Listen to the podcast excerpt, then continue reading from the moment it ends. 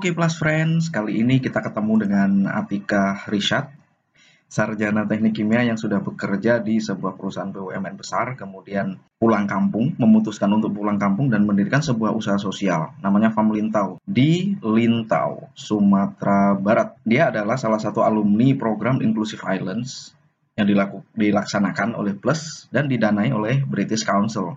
Nah, dari program inilah akhirnya dia menemukan e, mengkreasi produk-produknya dan membuat bisnisnya berjalan dengan lebih baik Oke, langsung saja kita persilakan Atika untuk memperkenalkan dirinya dan apa sih yang dia lakukan. Silakan Atika.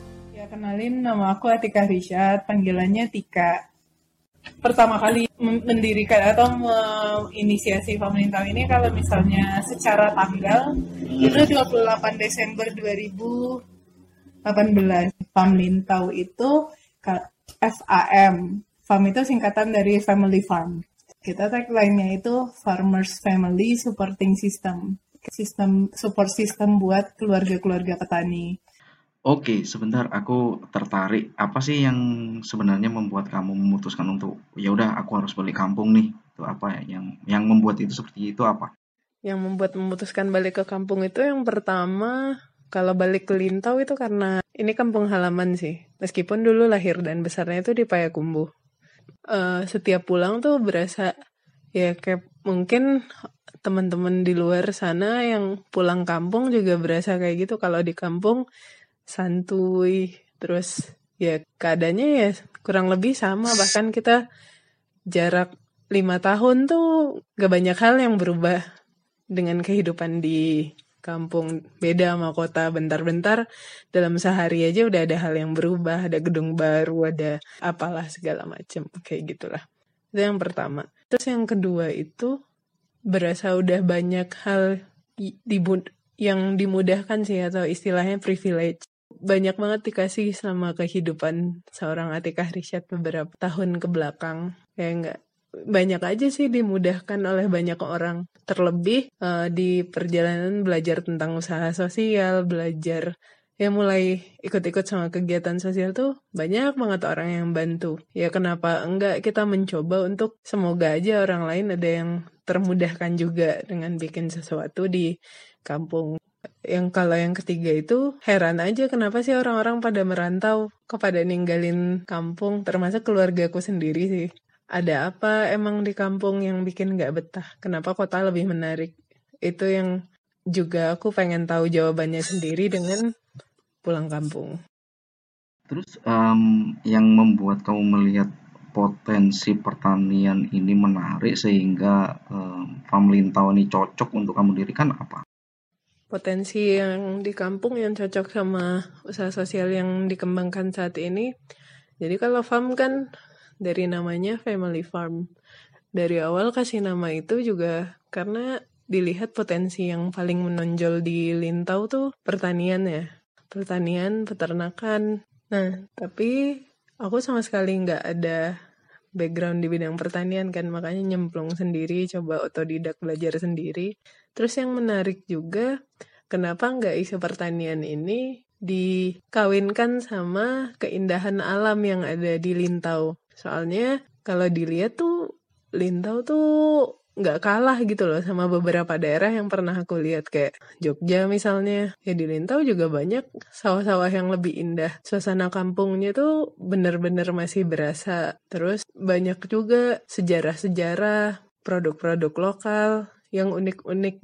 Kalau dari kampung apalagi Minang bisa dibilang adat sama budayanya cukup kuat. Jadi itu juga menarik untuk diceritakan karena kebetulan aku suka jalan-jalan juga. Jadi pengen gitu ngembangin wisata tapi tetap menjaga kearifan lokal dan segala macamnya. Karena kan inti apa-apa tuh menurutku ya di manusianya sih. Kalau memang nggak ada manusianya yang berkualitas atau yang mau mengembangkan ya nggak akan ada sesuatu yang dihasilkan. Kalau dari tadi potensi pertaniannya itu nggak banyak lagi anak muda atau orang-orang tuh yang tertarik untuk bertani. Padahal akar menurutku asal mula segala kehidupan ini ada dari pertanian. Kebutuhan pokok manusia, sandang, pangan, papan, semuanya dari pertanian. Kalau nggak ada petani, ya udah mati kita selesai. Oke, uh, tapi kan um, mungkin ini permasalahan di mana-mana juga ya. Pertanian itu kan kurang menarik buat anak muda. Terus apa yang ada di pikiran kamu untuk menarik mereka? Karena itu juga sih membuat seolah-olah pertanian yang dipadukan dengan wisata, ada edukasinya juga. Jadi petani itu atau tinggal di kampung itu ya keren juga kita bisa bikin sesuatu yang bermanfaat buat kampung, buat diri kita sendiri, dan kalau bisa juga menularkan ke orang-orang lain yang di luar sana gitu sih. Kegiatan ini kan kamu dirikan sebelum program Inclusive Island tuh. Nah, pengetahuan dasar tentang bisnis atau tentang organisasi atau apa pun sebelum itu kamu dapatkan dari mana sehingga bisa bikin seperti ini sekarang? Uh, aku kelilingnya dari Banten sampai Surabaya, nomaden belajar tentang usaha sosial, gitu. workshop hunter lah.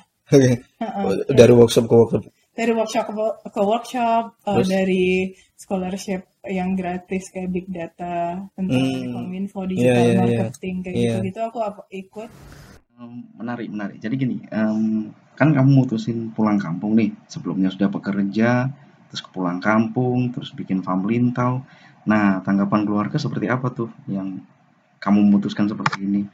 Pertama pulang tuh hmm. keluarga gue kayak ya udahlah pulang aja kalau emang gak ngapa-ngapain di sana. Aku ngapa-ngapain sih sebenarnya. Cuma ngapain? Nggak ada kerja tuh kayak nggak ngapa-ngapain yeah, kan yeah, buat yeah. keluarga. Terus di awal pulang tuh ya hmm. ngapain pulang jadi itu ya kan kemarin udah kerja enak-enak gitu. yeah, yeah, yeah. terus tapi kayak nenekku bilang ya ibu paling gak suka tuh kerjaan yang kayak kayak Tika itu papaku bilang aku anak durhaka makan uh, jadi keluarga pada posisi, posisi yang ngerasa ya buat ya aku di sini tuh kayak disembunyiin ya dia nunggu kerja yang lain kok oh. dia baru lulus kuliah kok padahal aku udah lulus tiga tahun yeah, gitu iya, kan yeah, yeah. nah nggak usah orang lain orang lain bilang aku orang gila lah uh, apaan ngapain ke jadi petani Terus gini, uh, kan aku lihat ada bikin sedotan bambu tuh juga. Ah. Bikin itu gimana oh. tuh awalnya tuh? Pertamanya itu aku juga yang bikin. Jadi rata-rata ah. semua yang aku lakukan di sini kan nama di kampung hmm. orang butuh bukti kan. Hmm. Kalau ngomong-ngomong doang siapa yang mau percaya. Hmm. Jadi aku tes dulu bikin sendiri. Itu pertamanya karena ada temanku yang nikah. Iya. Jadi dia mau butuh souvenir, terus oh. aku tawarin uh, sedotan bambu mau pesen di aku nggak tapi aku belum bikin belum bikin belum bikin belum pernah bikin juga belum pernah bikin aku cari mana bambu yang cocok aku hmm. ke tetangga nanyain minta tolong tebang bambu tapi diajarin juga nih jenis bambu yang ini nih hmm. bambu yang kecil diajarin sama bapaknya terus aku potong sendiri aku gerinda aku amplas sendiri aku tahu cari tahu prosesnya dari hmm. YouTube Abis itu setiap ketemu orang aku coba ini aku pakai sedotannya yang aku bikin itu yang berhasil terus aku ini mau nggak bikin nanti aku bayar per ini tuh nanti aku hargain uh, sekian gitu aku uh, pertama tuh seribu satu hmm. sedotan yang mereka nih oh lumayan nih seribu daripada ongkos bikinnya ongkos iya bikin hmm. bikin hmm. satu sedotan aku hargain segitu hmm. terus mereka tertarik karena uh, bambu juga biasanya dibuang-buang. Hmm. Terus nyari orang itu sebenarnya susah juga. Aku nanya ke beberapa orang ditolak nih, apa banyak yang nggak percaya kan. Terus akhirnya ada kepala kampung Tanjung Modang namanya Jorong Tanjung Modang. Terus dia ngenalin ke kakaknya, yeah. yang juga petani si Mai namanya yang pertama kali itu. Aku ajarin Mai kayak gini caranya. Nah, kalau bisa tuh kayak gini. Jadi sama-sama belajar gitu loh. Jadi satu orang itu awalnya. Satu orang itu awalnya. Aku langsung bayar sistemnya beli putus, terus dia ngeliat kan, oh, oh potensinya ada ya. Tapi aku janji bilangnya ya ini nanti kita coba pasarin dulu ya. Ya. Gitu. Terus kan di rumah harus ngajarin tuh kualitas nah. uh, ukurannya segini, terus nah, segini nah. itu butuh berapa lama?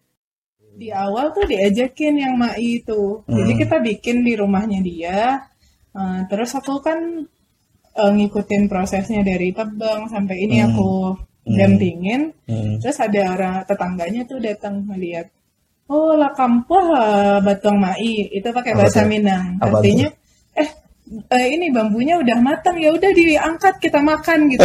Jadi diketawain sama orang di situ. Ya kenapa bambu direbus buat apa? Emang itu bisa dimakan kayak gitu. Jadi kayak diketawain ya kurang kerjaan banget sih ngapain rebus-rebus bambu gitu kan. Nah itu kan sudah ini nih udah udah bisa bikin udah bisa produksi udah ada kelompok pengrajin bambunya. Nah gimana caranya awalnya itu dijual gitu?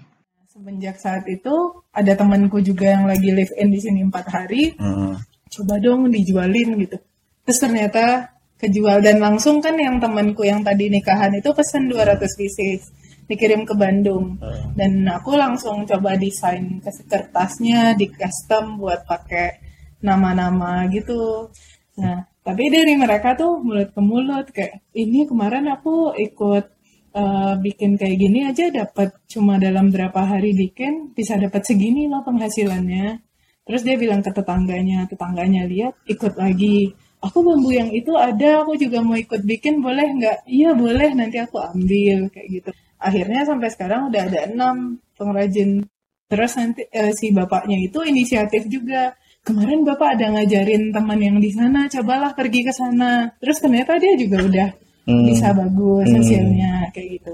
Itu alatnya dari mana? Mereka sendiri gitu? Uh, jadi aku modelin amplas uh, sama uh, mata gerindanya. Mereka inisiatif cari sendiri oh, sih. Gitu ya? oh. Jadi awalnya aku bilang kan, terus aku udah bikin kayak ada kasih bukunya juga, ada kelompok pengrajin sedotan botuang. Hmm. Nah, namanya kan sedotan botuang kalau di sini. Itu botuang bambu, itu bambu. Ya. Nah, hmm. nah, nah itu dari situ berproses sampai sekarang sih. Hmm, gini, uh, ini kan udah berproses beberapa lama nih. Tadi kan yang dulu awal-awal dulu kan keluarga kayak gimana gitu penerimaannya. Kalau sekarang setelah sudah banyak yang kamu lakukan dan ada usaha yang berjalan, terus kamu juga konsisten, itu tanggapan keluarga ada perubahan gak sih? Proses penerimaan itu berlangsung sampai karena aku bisa dibilang ya terus aku hmm. berproses di hmm. farm lintaunya hmm. aku konsisten ya aku berkebun aku ngerjain apa yang aku bisa aku ngajar hmm. di Danau Baraja hmm. makin ke sini semenjak apalagi ikut beberapa program Betul. keluar hmm. itu tuh timbul trust dari keluarga yeah, juga yeah. kayak wah meskipun keluar anakku stay di kampung tapi dia bisa keluar juga ya hmm. apalagi yang pertama kali yang waktu aku lolos yang jadi pendamping desa sejahtera Astra itu Astra. Pak Bupati Tanah Datar kan diundang hmm. untuk datang juga hmm. ke Jakarta hmm. jadi mamaku pas lihat loh ini kok undangan bupati gitu kan buat apa terus mamaku jadinya di kampung di kantornya bilang Pak Bupati aja diundang uh, karena dia uh, ini bikin ini gitu jadi sekarang mamaku tuh juga mar marketingnya gitu loh di kantor tapi yeah, sekalian yeah, yeah. nyeritain anaknya. Yeah, yeah, yeah. Nah sekarang ada pembukaan PNS nih. Mm. Nah itu bisa jadi indikator juga sih bahwa keluargaku udah menerima aku kerja kayak udah gini. Udah suruh ikut lagi ya? Sekali. Jadi oh. mamaku tuh bilang kayak gini. Kita nggak daftar PNS. Ya. Terus aku responnya kayak gini. Lah, mama masih nyuruh daftar PNS. Aku pikir udah enggak aku bilang kayak gitu terus mamaku bilang ya orang-orang lain daftar soalnya gitu terus aku jawab ya udah sih biarin aja orang lain gitu terus habis itu nggak nggak lagi. pernah lagi okay. sampai sekarang nggak iya. pernah yeah. dorong aku lagi terus juga ada tanteku yang bilang ya masa semua jadi PNS udah kerja kayak gini aja Okay. Jadi setiap temanku juga beberapa udah mulai datang ke sini. Hmm. Nenekku yang dulunya bilang nggak suka sama kerjaan yang sekarang ya beliau udah dukung udah, terus misalnya aku diundang kayak uh, kadang ada yang ngajakin talk show atau jadi narasumber gitu misalnya hmm. jadi dia jadi ini fashion stylistnya enggak eh, banget masa masa panggil depan kayak gitu maksudnya tuh udah mulai yeah, yeah, yeah, yeah. terus kalau ada temanku yang datang ke sini kayak misalnya kemarin mas sama Gigi mau datang hmm. ke sini terus itu kamarnya udah dirapihin belum udah bersih belum oh. jadi kayak udah jadi ibu-ibu homestay gitu ya kalau ada ya. tamu yeah. juga udah gitulah hmm. uh, jadi dulu mungkin aku proses kayak di awal pembuktian kalau aku bisa gitu saya di hmm. kampung hmm. meskipun belum berhasil sih hmm. kalau sekarang bisa dibilang aku juga masih berproses tapi penerimaan dari keluarga itu membuat aku jadi ke tahap ini tanggung jawab Ya, sekarang. ya. Kalau misalnya aku menyerah, ya bukan aku aja gitu loh yang Hmm. akan eh, menanggung apa yang aku lakukan ini ya keluargaku udah Semuanya gitu udah ya. udah udah Ya. juga berkecimpung gitu loh bisa dibilang. Eh, menarik sekali. Jadi eh, gini, kan kamu melihat potensi pertanian ini bagus gitu ya di sini. Kemudian kamu bikin farm lintau. Kemudian kamu mobilisasi anak-anak muda dengan bikin komunitas seperti Dango Baraja atau yang lain gitu ya. Terus eh, apa sih permasalahan lain yang kepingin kamu selesaikan sebenarnya dengan kegiatan-kegiatan yang kamu adakan ini? Harapannya tuh biar inklusif semuanya bisa dapat keuntungan di sana eh, mau apa pun itu bentuknya. Di kampung itu yang tinggi ur- tingkat urbanisasinya itu pemuda. Banyak pemuda tuh keluar daerah, jadi ya di kampung tinggal yang tua-tua dan anak-anak kecil. Sehingga ya kampung kenapa perkembangannya itu lambat? Karena nggak ada yang berjiwa muda mungkin. Harapannya lewat pemuda-pemuda lokal ini kita sama-sama bangun usaha sosial, bantu pemasaran produk lokal, dan promosikan wisatanya. Harapannya itu bisa bantu meningkatkan pendapatan masyarakat lokal dan juga edukasi masyarakat bahwa hidup di desa itu juga kita bisa berdaya, bisa melakukan banyak hal. Dengan di kampung aja bisa terpenuhi kebutuhan hidup, bisa cukup. Kira-kira begitu. Oh iya, kamu kan dari ini ya, dari luar gitu. ya. Maksudnya dari luar terus pulang kampung gitu. Pertama kali ini ngumpulin teman-teman itu mengajak mereka, meyakinkan mereka untuk gabung sama kamu itu ada kesulitan nggak sih? Yang Hmm. paling aku rasain waktu pertama kali pulang ke sini itu kok kayak nggak ada temen ya? Kok kayak susah banget nyari temen yang sebaya kita, yang mau sama-sama ngerjain kayak gini tuh dari awal Hmm. lama. Aku Hmm. baru dapat itu setelah eh, sekitar 8 bulan. 8 bulan. 8 Lu- bulan. lumayan juga ya. Delapan. Berapa orang itu yang gabung dari Di setelah awal. 8 bulan itu? 8 bulan itu Hmm. yang memang komit Hmm. satu. Tapi eh, gaungnya tuh ya udah aku ikut-ikut kegiatan, Hmm. banyak yang datang kayak gitu tuh. Di akhirnya itu yang paling buat aku terkaget-kaget dan nggak percaya itu pas kegiatan kita 10 November waktu Hmm. Hari Pahlawan. Itu tiba-tiba aja ada nggak tiba-tiba sih maksudnya pemuda itu gabung ada sekitar 14-an orang terus kita ngundang diskusi sambil camping bikin discamp Oh, namanya. oke. Iya. itu hampir seratusan masyarakat juga ikut. Kita ada RTL-nya mereka juga pengen bikin sesuatu buat kampungnya. Terus aku wow ternyata juga banyak orang-orang yang pengen sama yang kayak aku impikan. Pengennya tuh eh, terpen- bisa mandiri berdiri di kakinya sendiri Oke, aku jadi penasaran sih sebenarnya kan macam-macam hambatan dari luar diri kamu tadi udah berhasil kamu atasi gitulah ya. Mulai dari penolakan, baik dari keluarga, masyarakat, hingga bagaimana kamu dapat meyakinkan orang-orang di lingkunganmu untuk mendukungmu.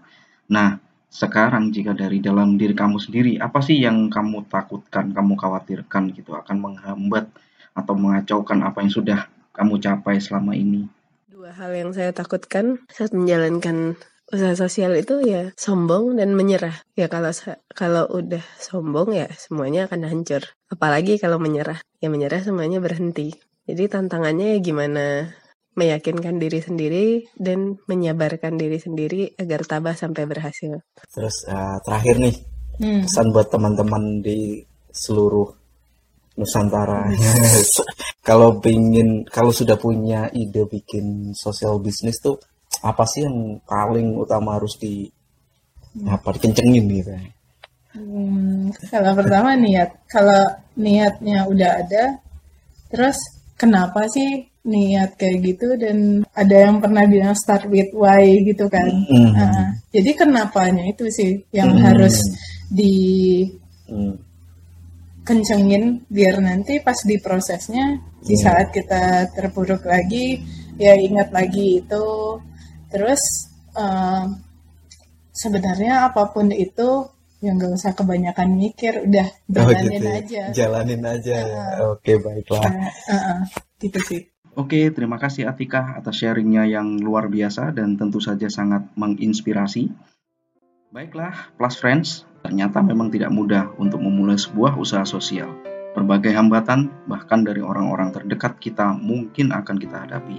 Namun, dengan terus belajar meningkatkan kemampuan serta konsistensi menjalankan apa yang sudah kita cita-citakan, ternyata dapat membalikkan hambatan menjadi dukungan, cacian menjadi apresiasi, dan Atika sudah membuktikan itu. Saya Yuyun dari Plus. Salam.